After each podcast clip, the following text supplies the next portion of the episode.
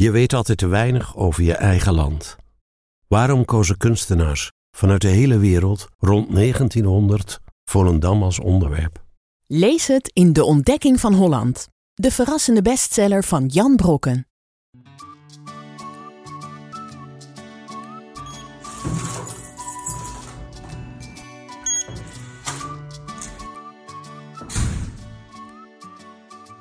Hallo, het waait verdomde lekker. En als je geen elektrische fiets hebt, denk je: kom op, longetjes, doe je best.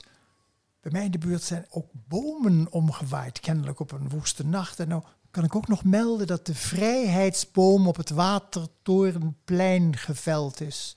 Is dat niet een teken van weet ik wat? Welkom terug bij Van Dis Ongefilterd met Adriaan van Dis en mijn naam is Simon Dikker-Hupkes. Wij zitten hier nu niet in het tuinhuis zoals gebruikelijk, maar we zijn vanwege regen uitgeweken naar de directiekamer van de uitgeverij. Want als we in de regen zouden zitten in het tuinhuis, dan klettert het op het glas. Ja, En dat kunnen onze oren kennelijk niet aan. ik dacht ook dat klinkt gezellig, maar de technici waren het er niet mee eens. En misschien waait er dan nog de vrijheidsboom op ons om. Het is, het is nou zitten we in een directiekamer, maar de uitgever heeft geen directie meer. Dus wij spelen maar voor directeurtje. Een pijnlijk punt, Adriaan. Maar eh, goed dat je het even, heel eventjes aanstipt. Arbeiders zelfbestuur. Ja.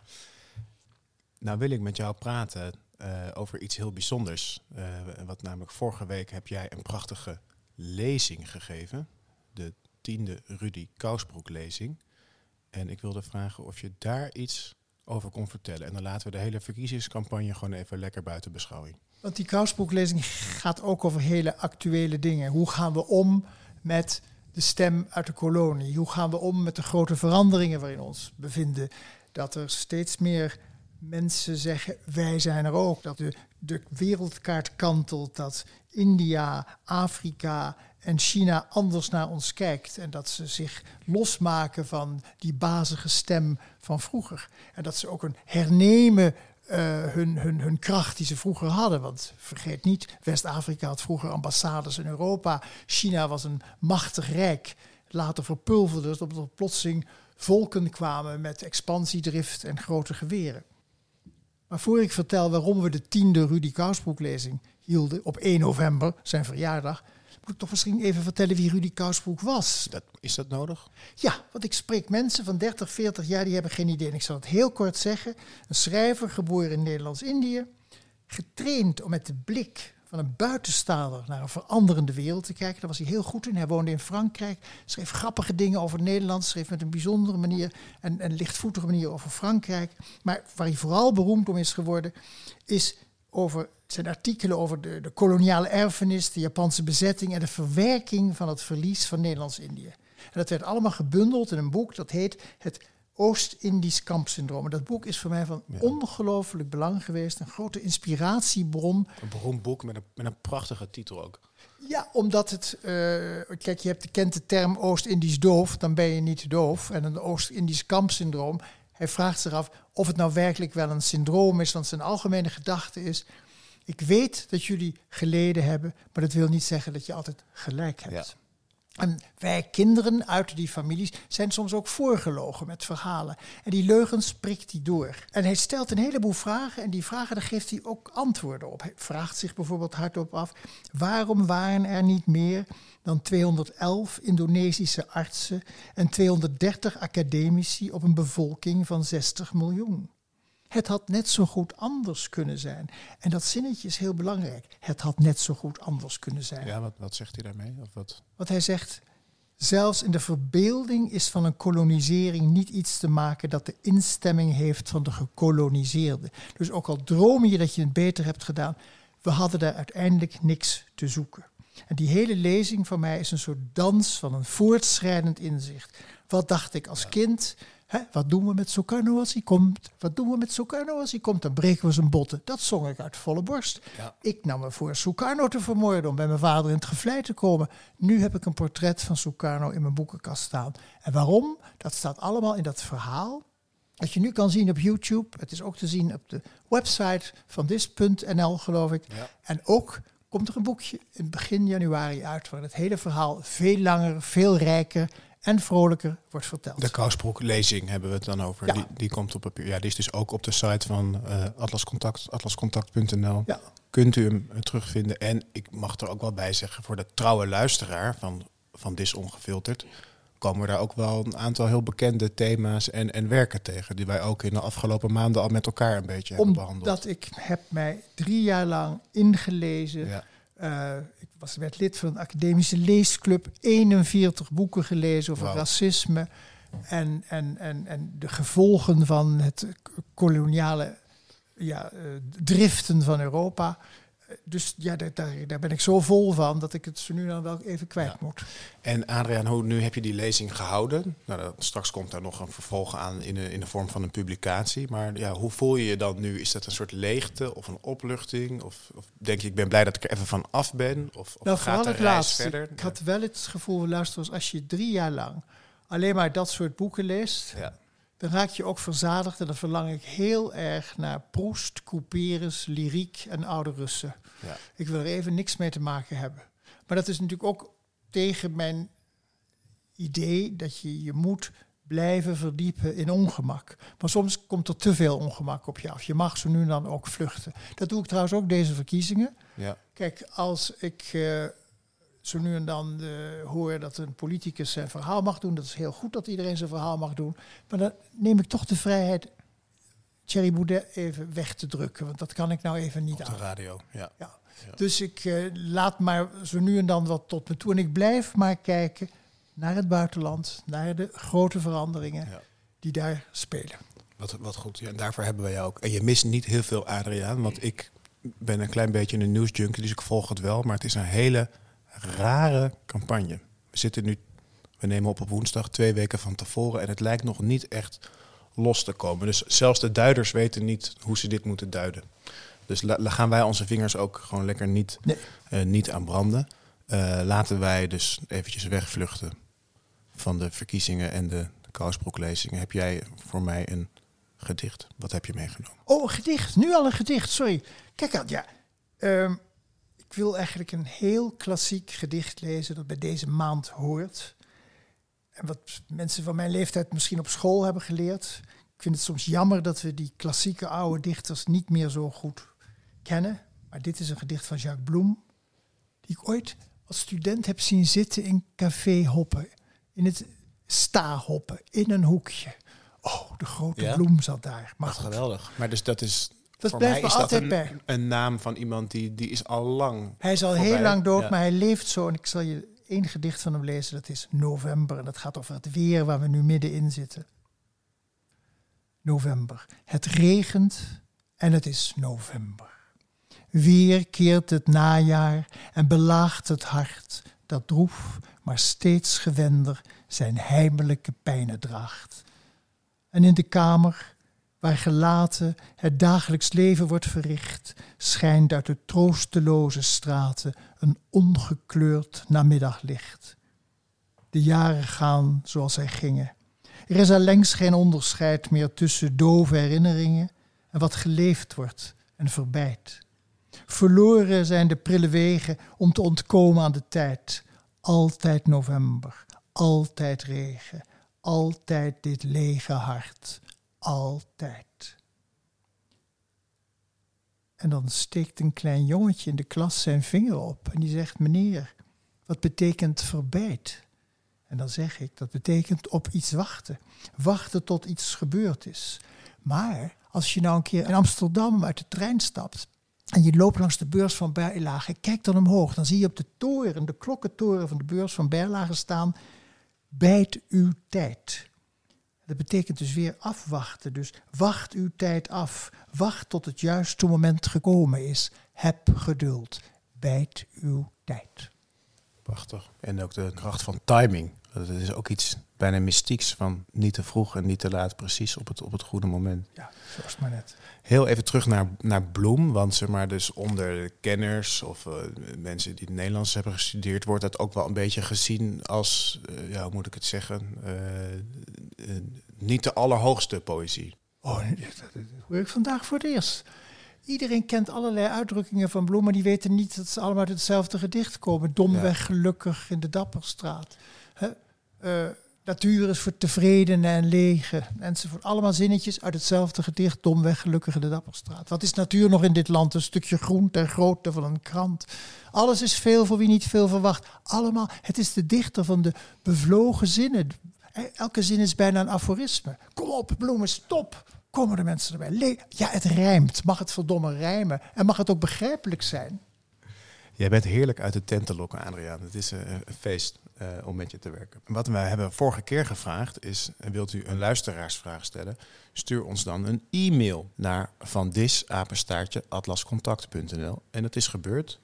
Naast heel veel complimenten, waarvoor dank, hebben we ook een aantal vragen gekregen. En uh, ik wilde er even twee uh, met je delen. En de ene is ook, nou, het is niet alleen maar complimenteus, er is ook oh. kritiek.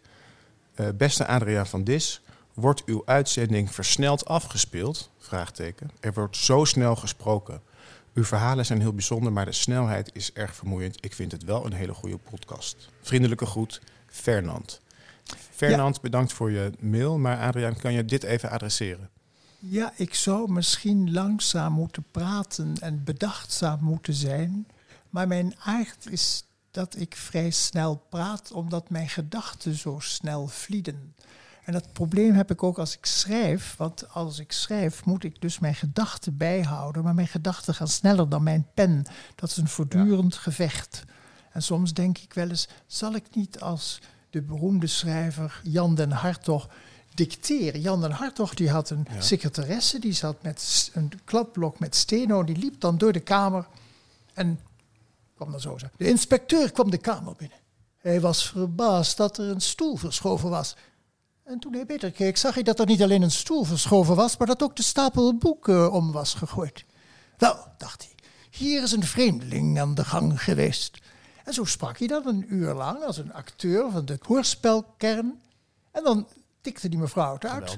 De volgende morgen pakte hij zijn pen, streepte wat, verbond wat, klaar. Ik dacht, ah ja, misschien moet je zo gaan schrijven. Maar dan, ja, dan raak je wel wat kwijt waar het gaat om grappige, spannende zinnetjes. Maar dit kan trouwens hè, tegenwoordig. Je kunt ik, weet, probeer het wel eens, maar ik, ik ben toch te veel een poetser die denkt het kan korter, het kan sprankelender. Dus ik zal proberen langzamer te praten, maar het is niet. Het zit nou, niet in mijn misschien ook, want we hebben de vorige keer besproken, de totstandkoming van jouw geaffecteerde accent, stemgeluid. Ja, maar als ik praat het geplaatst en had ik nog sneller gepraat. Want je ja, luistert er ook niet bij te bij. Dat het heeft niks met elkaar het te maken. Het heeft niks met elkaar te maken. Het heeft gewoon te maken met hoe je hersens in elkaar zitten. Ja. Het gaat gewoon heel snel bij jou, dat kopie. Ja, nou ja, ja, ja ik weet niet tot het uh, vla wordt en onzin, maar vooralsnog gaat het heel snel. Ja. Maar wat ik misschien aanraad, zet het op een vertrager. Ja, nou, dat is een heel goede tip, en dat wilde ik ook gaan zeggen. Dan uh, praat ik voortaan zo, en dan wordt het heel interessant, en dan wordt het ook een slaapmiddel. Nee, er is dus de functie uh, in je podcast app om dingen versneld of vertraagd af te spelen. Dus ik doe dat ook. Uh, meestal doe ik het iets sneller. Uh, dan ben je er sneller doorheen. Als je van de, de langdradige podcast. Maar je kan dus ook als je langer wilt genieten of beter wil luisteren, kan je bijvoorbeeld van Dis ongefilterd op 0,8 keer snelheid zetten. Van Dis op 0,8. Ja. Het klinkt als een, uh, als, als, een, een, akelig, session een biertje klinkt het. Ja. Ja. volgende vraag komt van Ted. En Ted zegt, vraag aan Adriaan. Ben zo benieuwd wat voor muziek jij draait als je alleen en rustig thuis onderuit zit. Vriendelijke groet, Ted. Ik heb een hele slechte smaak. Ja? En die koester ik. Wil je, is dit, hou je die voor jezelf of wil je die... Tante Leen. Tante Leen? Ja, fantastisch. Tante Leen, diep in mijn hart.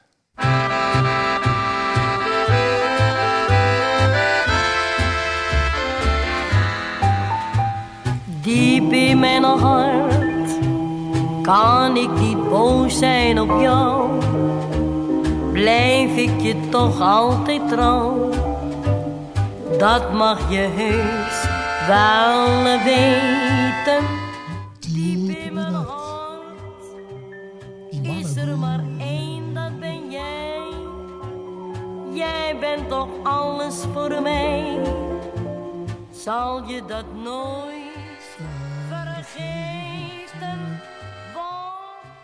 Kijk, en dan niet mijn man op de achtergrond. Maar als Tante Leen Française was geweest, was ze wereldberoemd geweest. vind ik geweldig. Daar word ik heel vrolijk van. Leuk. En aangezien ik voor mijn stijve heup veel dans- en bewegingsoefeningen moet doen, dans ik met Tante Leen. Dans jij door je, door je kamer? Ja, en zo maak ik, dans ook een leuke hip-hop muziek. Eh, Beyoncé kan me ook vervoeren. Eh, dus ik luister. Eh, eh, Franse rap ook, toch? En Franse rap, Ja. ja. dat dépend. Eh, Ja. het is de, de, ik eh, zoek beweging, eh, vooral tijdens het koken. Dan sta ik tussen aanrecht en, en, en ja, zo'n vreselijk keukenblok die iedereen Ja. vandaag de dag heeft. Ik ben eigenlijk voor keukens met een deur die je dicht kan doen, zodat je de afwas er ook een week kan laten staan. Maar, Heb ik ook thuis. ja, is maar ik woon nu in een appartement met een keukenblok. Wie heeft dat toch uitgevonden? Nou ja, goed. Ja. Ehm, maar dus je kunt dus wel leuk dansen tussen aanrecht en, en, en gaststel. Geweldig. Ik zie het helemaal voor me. Heb jij dan je gordijnen dicht of kunnen ze aan de overkant? Niemand naar kan mij zien. Nee? Niemand kan mij zien. En niemand weet dat ik repelsteeltje heet. Hmm, heel mooi. Ehm, En ik heb nog veel meer slechte smaak, maar Ja. die hou ik nog eventjes voor. ja, nou, heeft u ook een vraag? Eh, stuur ons dan een bericht. En omdat u nu toch uw telefoon in uw hand heeft, eh, klik even op like en abonneer u op ons kanaal van Het is Ongefilterd.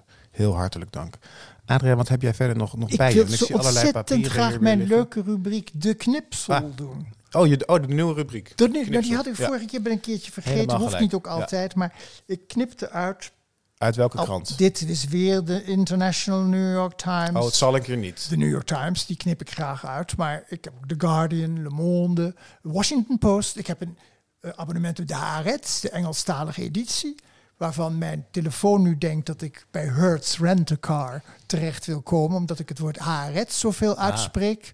Nou is het rent-a-car en de vorige keer was het nog eh, advertenties voor Ja, die BH's. BH's zijn Ja. opgehouden. Ja, eerst Ja. had ik een, een tijd lang BH's, waarom ik daar weer aan te danken heb.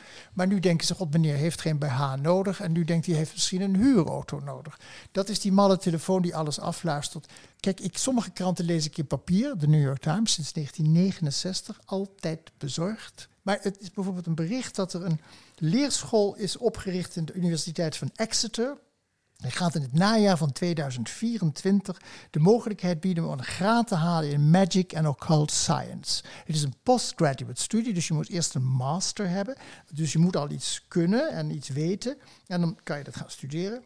En dan denk je, ja, dat is natuurlijk allemaal eh, kletspraat. Dat zal het ongetwijfeld zijn, maar het is wel wetenschappelijke kletspraat. En Exeter wil daar ook iets mee goed maken, want in de 17e eeuw zijn er nog drie vrouwen opgehangen op de beschuldiging van hekserij. Ja. En dit is nu een studie onder leiding van de geleerde Emily Slove. En zij is eh, kenner van de middeleeuwse Arabische literatuur.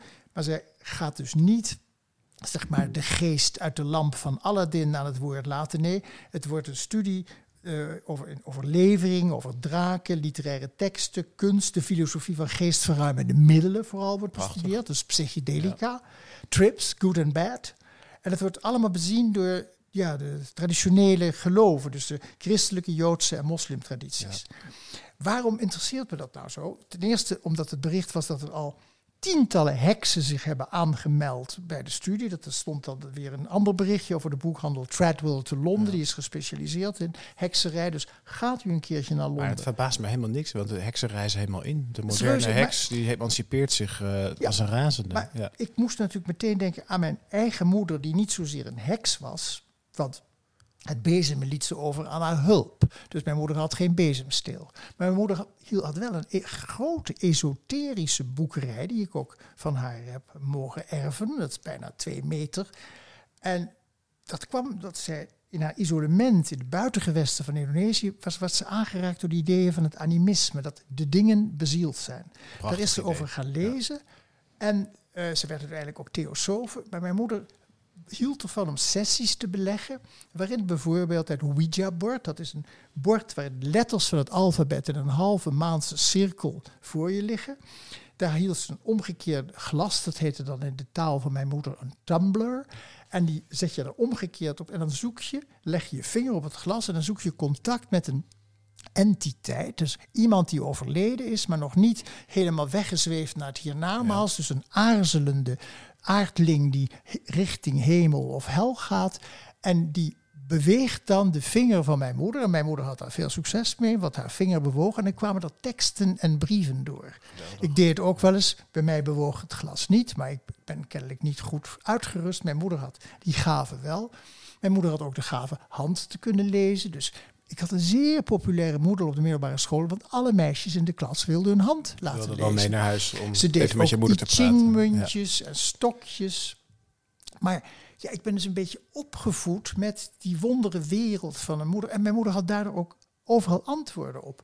Deze tijd zou mijn En, en moeder... mag ik heel even tussendoor, als, als je moeder dan met zo'n antwoord kwam, landde dat dan bij jou? Of dacht Nee, je van, ja mam, eh, Maar ik, ja, ik, kijk, ik zei ook toen mijn moeder werd bijna 100. Alles mag als het maar niet duurder is dan 100 euro.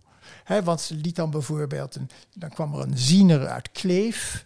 En die kwam met een wichelroede de kamer in. En dan zei hij, ja, die bank staat verkeerd. En de stopcontacten, die moet u anders omgebruiken. Die zag overal stromingen en trillingen. Dus ik Ja. kwam regelmatig thuis en dan stond het huis ondersteboven. Omdat de ziener uit Kleef weer was langs geweest. Ik vond het best dat de ziener van Kleef was te betalen. Ja. Ze slikte ook nooit medicijnen, maar had wel allerlei kruidenmeneertjes die langskwamen. Er stonden allerlei potjes groen gras. Ook best als het maar onder de 100 gulden bleef, want eigenlijk is het nog in die tijd.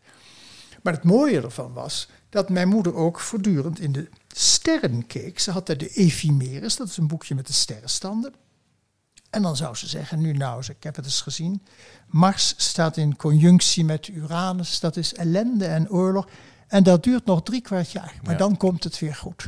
En dan is alles opgelost, dan heb je geen krant meer nodig. Je begrijpt waarom op vier punten tegelijk in de wereld de zaak instort. Ja. De Ephemeris toont aan, de sterren staan verkeerd. En ik betrap me erop, heel kinderachtig, ik geloof er niks van. Maar ik denk, Nee, want je praat er een heel klein beetje spottend. ik praat er met, kijk, luister eens. Ik heb me eraan proberen los te, Ja. van los te maken. Mijn zusjes zijn er niet van losgeraakt. Met alle gevolgen van dien. Eh, ik weet niet of ik dat al eerder heb verteld. Maar mijn middelste zus is gestorven aan darmkanker. En ze kwam bij een atrosoof. Die zei, wij gaan uw kanker met een elixir van heksenbezem bestrijden. Kanker met kanker bestrijden. En zij stierf. Len liet een jongetje van 13 achter. Een onnodige dood. Ja. Het verhaal van Sylvia Millekam, maar dan in onze eigen familie. Eh, en ook mijn andere familieleden hebben zich, ja, zijn ingezwachteld door mijn moeders esoterische wanen. En ik heb me er als jongetje zeer tegen verzet. Maar ik was wel haar proefkonijn. Ja. Ik zat heel vaak, eh, moest ik eh, ja, dingen meemaken om te kijken hoe dat allemaal werkte. Want waar moet je als jong mens naar streven? Dat is het hogere zelf. Ja. Je moet jezelf de hele tijd verbeteren. En dat heb ik toch een beetje van erover genomen. Verbeter jezelf, leer van jezelf. Maar klamp je niet vast aan, aan dingen die niet 1, 2, 3 te bewijzen zijn. En is dat wat ze dan aan de University of Exeter gaan doen? Is om een Nou, dan beetje gaan ze die kijken de hoe onzin door de eeuwen heen mensen Ja. houvast hebben gezocht bij deze verhalen. Die kun je bestuderen. Je kunt ook godsdiensten bestuderen. Dat zijn ook prachtige verzinsels. Maar ik zie ook wel een parallel met jouw kousbroeklezing. Van in zekere zin is dit een soort dekolonisatie of het opnieuw eh, ietsje serieuzer nemen van de inheemse kennis van de, van de oude Europese volkeren. En wat ik ook interessant vind, is dat je met een islamitische blik, of met de bl- blik van de islam, met de blik van, het, eh, van, van, van de Torah, met de blik van de Bijbel, naar die verschijnsels kijkt. Ja. Want laten we eerlijk zijn, de Bijbel staat vol fantastische wonderen. Ja. Als de valse profeten zich verzamelen op de berg van Karmel, dan ziet de, een van de profeten een, een vuist in een wolk. Dat is de hand van God en die laat het dan regenen boven die Karmel. Of niet, alleen, al die mensen worden weggespoeld en vermoord. Het zit vol wonderen. God is een enorme tovenaar, om maar te zwijgen over Jezus. Ik ben er gek op. Ja, Ja. Ik, ik geloof, ik ben gek op sprookjes. geweldig, geweldig knipsel. En we hebben ook gelijk weer een geweldig stof tot, tot kletsen. Ik kende deze kan nog niet. Ik praat er graag een andere keer over, over door. Over En deze lezers of luisteraars, stuur uw vragen, schiet. Maar het, mag ik nog een onderwerp te berden brengen? Heel graag. Want ik zie dat je iets heel intrigerends Ik hebt lees heel graag en veel strips. Strips zijn heel belangrijk in mijn leven geweest. Ik ben al jong begonnen met het lezen van, van de strips uit de, uit de krant geknipt. Ik ben ook vernoemd naar een stripheld, zei mijn vader altijd, Adrianus Aap. Dat was een strip in het eh, Algemeen Handelsblad, maar dat even terzijde. En Olle Kapoen, dat was de strip getekend door Finny Dick. Dat is de vrouw van Marten Toonder hele belangrijke rol heeft gespeeld in het stripwezen, maar die door de, de mannetjescultuur terzijde is geschoven. Dus Finny Dick, zoek die naam maar eens op. En later ben ik Illustrated Classics gaan lezen. Ja. Toen ik een, eh, verlamd was. In de zomer van 1956 had ik een zusje van de kinderverlamming. Was ik zes weken lang verlamd. Toen heeft mijn vader een bord gemaakt en mij een stokje gegeven. Een soort, soort pollepeltje met een rubbertje, een gummetje eraan. En daar kon ik bladzijden mee omslaan met mijn mond. Op mijn hoofd deed Ja. het nog wel. Ja, ik, had, ik vond het heerlijk, het ziekenhuis. Ontzettend aardige mensen en lieve zusters. Dus, Gelukkig. ehm, En is, toen is echt de, de liefde ontstaan voor de ja, voor de vooral met de Illustrated Classics.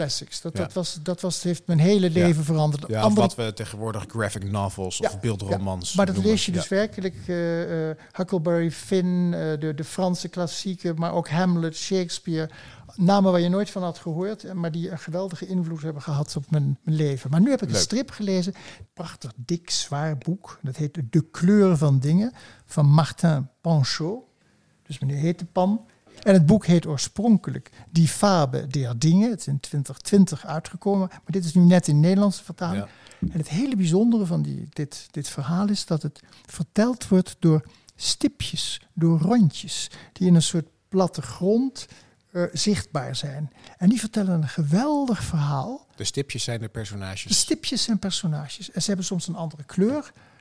En het gaat over een jongetje van een jaar of veertien, een, een, een dik ventje. En dat dikke ventje die woont in een ruziende omgeving met een vader en een moeder die elkaar op alle mogelijke manieren dwars zitten. En die vader die vergokt zijn geld bij de paardenraces, die moeder bakt taarten. En dat jongetje moet die taarten bezorgen. Die komt gegeven bij een oude mevrouw, die, een waarzegster, die geeft hem een tip. Je moet op dat en dat paard wedden en dat gaat namelijk winnen. En dan breekt hij het geldkoffertje van zijn vader open en dan gaat hij naar dat wetkantoor en hij wet op dat ene paard en hij wint 16 miljoen pond. Maar dat is alleen maar geldig, dat gokbiljet, als er een handtekening op staat van de volwassene. Hij gaat naar huis, komt in zijn huis, alles opengebroken, kapot gemaakt. Moeder verwond, ligt in coma in het ziekenhuis. Wat is dit voor een verschrikkelijk verhaal? Vaders, ja, dat is een verschrikkelijk, heel spannend verhaal. Maar het zijn dus alleen maar stipjes die het verhaal vertellen. En het, wat gebeurt er nu met je? Na een bladzijde of 10, 20 krijgen die stipjes een gezicht in je hoofd. Dat doet een enorm Ja. beroep op je verbeelding. En de reizen die hij maakt zijn kleine plattegrondjes van een kamer, een ruimte. En je ziet die kamers groeien. Je ziet als het ware de wind door de gordijnen gaan. Het is dus als mensen zeggen, ja, verbeelding is zo nodig bij het lezen. Dit is één grote uitnodiging tot verbeelding, want er gebeurt iets wonderlijks. De pers ruikt dat een jongetje van 14 een gokbiljet heeft en een waarde van 16 miljoen. De hele wereld duikt op hem af. Iedereen wil wat van hem. En het is dus de reis van een jongetje die dat biljetje op een hele slimme manier heeft verstopt. En die door allerlei guur, ongure types wordt belaagd. Dus het is dus en heel spannend. Maar ik vond het vooral verbijsterend dat ik zoveel verbeelding kreeg. Die ik kon vinden in bladzij na bladzij. Rondjes, stipjes met fantastische dialogen. En dus ook logistraft het idee Dus ik zeg, van strip- dit mag je dus is- ook lezen voor Ja. je lijst. Ja, en het is dus niet een, het idee dat, dat je in een strip, dat er daar geen verbeelding meer... eh, Nee, nee, dat, dat, dat je platte, platte, platte plaatjes Ja. krijgt met een verhaaltje. Het zijn, en er staan nog allerlei hele grappige wetenswaardigheden in. Er zitten dus ook nog kleine, wonderlijke, wetenschappelijk eh, eh, vernuchtige g- dingen worden er verteld. Dat jongetje maakt heel veel mee. ja. Het is een Het ziet er super uit. zeldzaam mooi Wij gaan het nu allemaal lezen, maar hoe ben jij hier aangekomen? Hoe, hoe is het op jouw Nou ja, je hebt een hele leuke uitgeverij, Concerto Books. Ja. Die hebben ook een winkel in de Utrechtse straat. Ja. En daar gingen mensen vroeger heen om hun grammofoonplaten te kopen. Doen later nog- hun cd's. steeds, en de, Ja. die, die brengen nu ook boeken uit. Ah, dus het is en om de geest eh, scherp te houden, wil ik trouw blijven aan wat de strips mij destijds als kind hebben gebracht. Omdat ik zo'n lastige lezer was, hebben strips mijn wereld groter gemaakt. En dat kunnen ze nog steeds. Leuk dat er toch nog een waarzegster ook eh, in Ja, het verhaal dat zat. is de, Dat- de waarzegster verbindt zo hebben met we elke keer weer een, toch een onverhoeds een thema in onze, Ja. in onze aflevering. knopen alles aan elkaar. Eh, de volgende keer zitten we hopelijk weer eh, op onze vertrouwde stek in het tuinhuis. Voor nu wil ik jou bedanken voor een heel fijn gesprek. Adriaan van Dis, En ik dank jou, Simon. Want zonder jou zou ik geen antwoord kunnen geven. je bent te lief. Het jongetje uit het stripboek heet trouwens Simon. Via een link in de show notes kunt u het bestellen. Of ga meteen naar www.boekenwereld.com schuine streep van streepje dis. van Dis Ongefilterd is een podcast van uitgeverij Atlas Contact. Presentatie Simon de Kerhupkes. Productie, montage en regie Ellen van Dalsem, Bartje Ronkiers en Erik Bransen.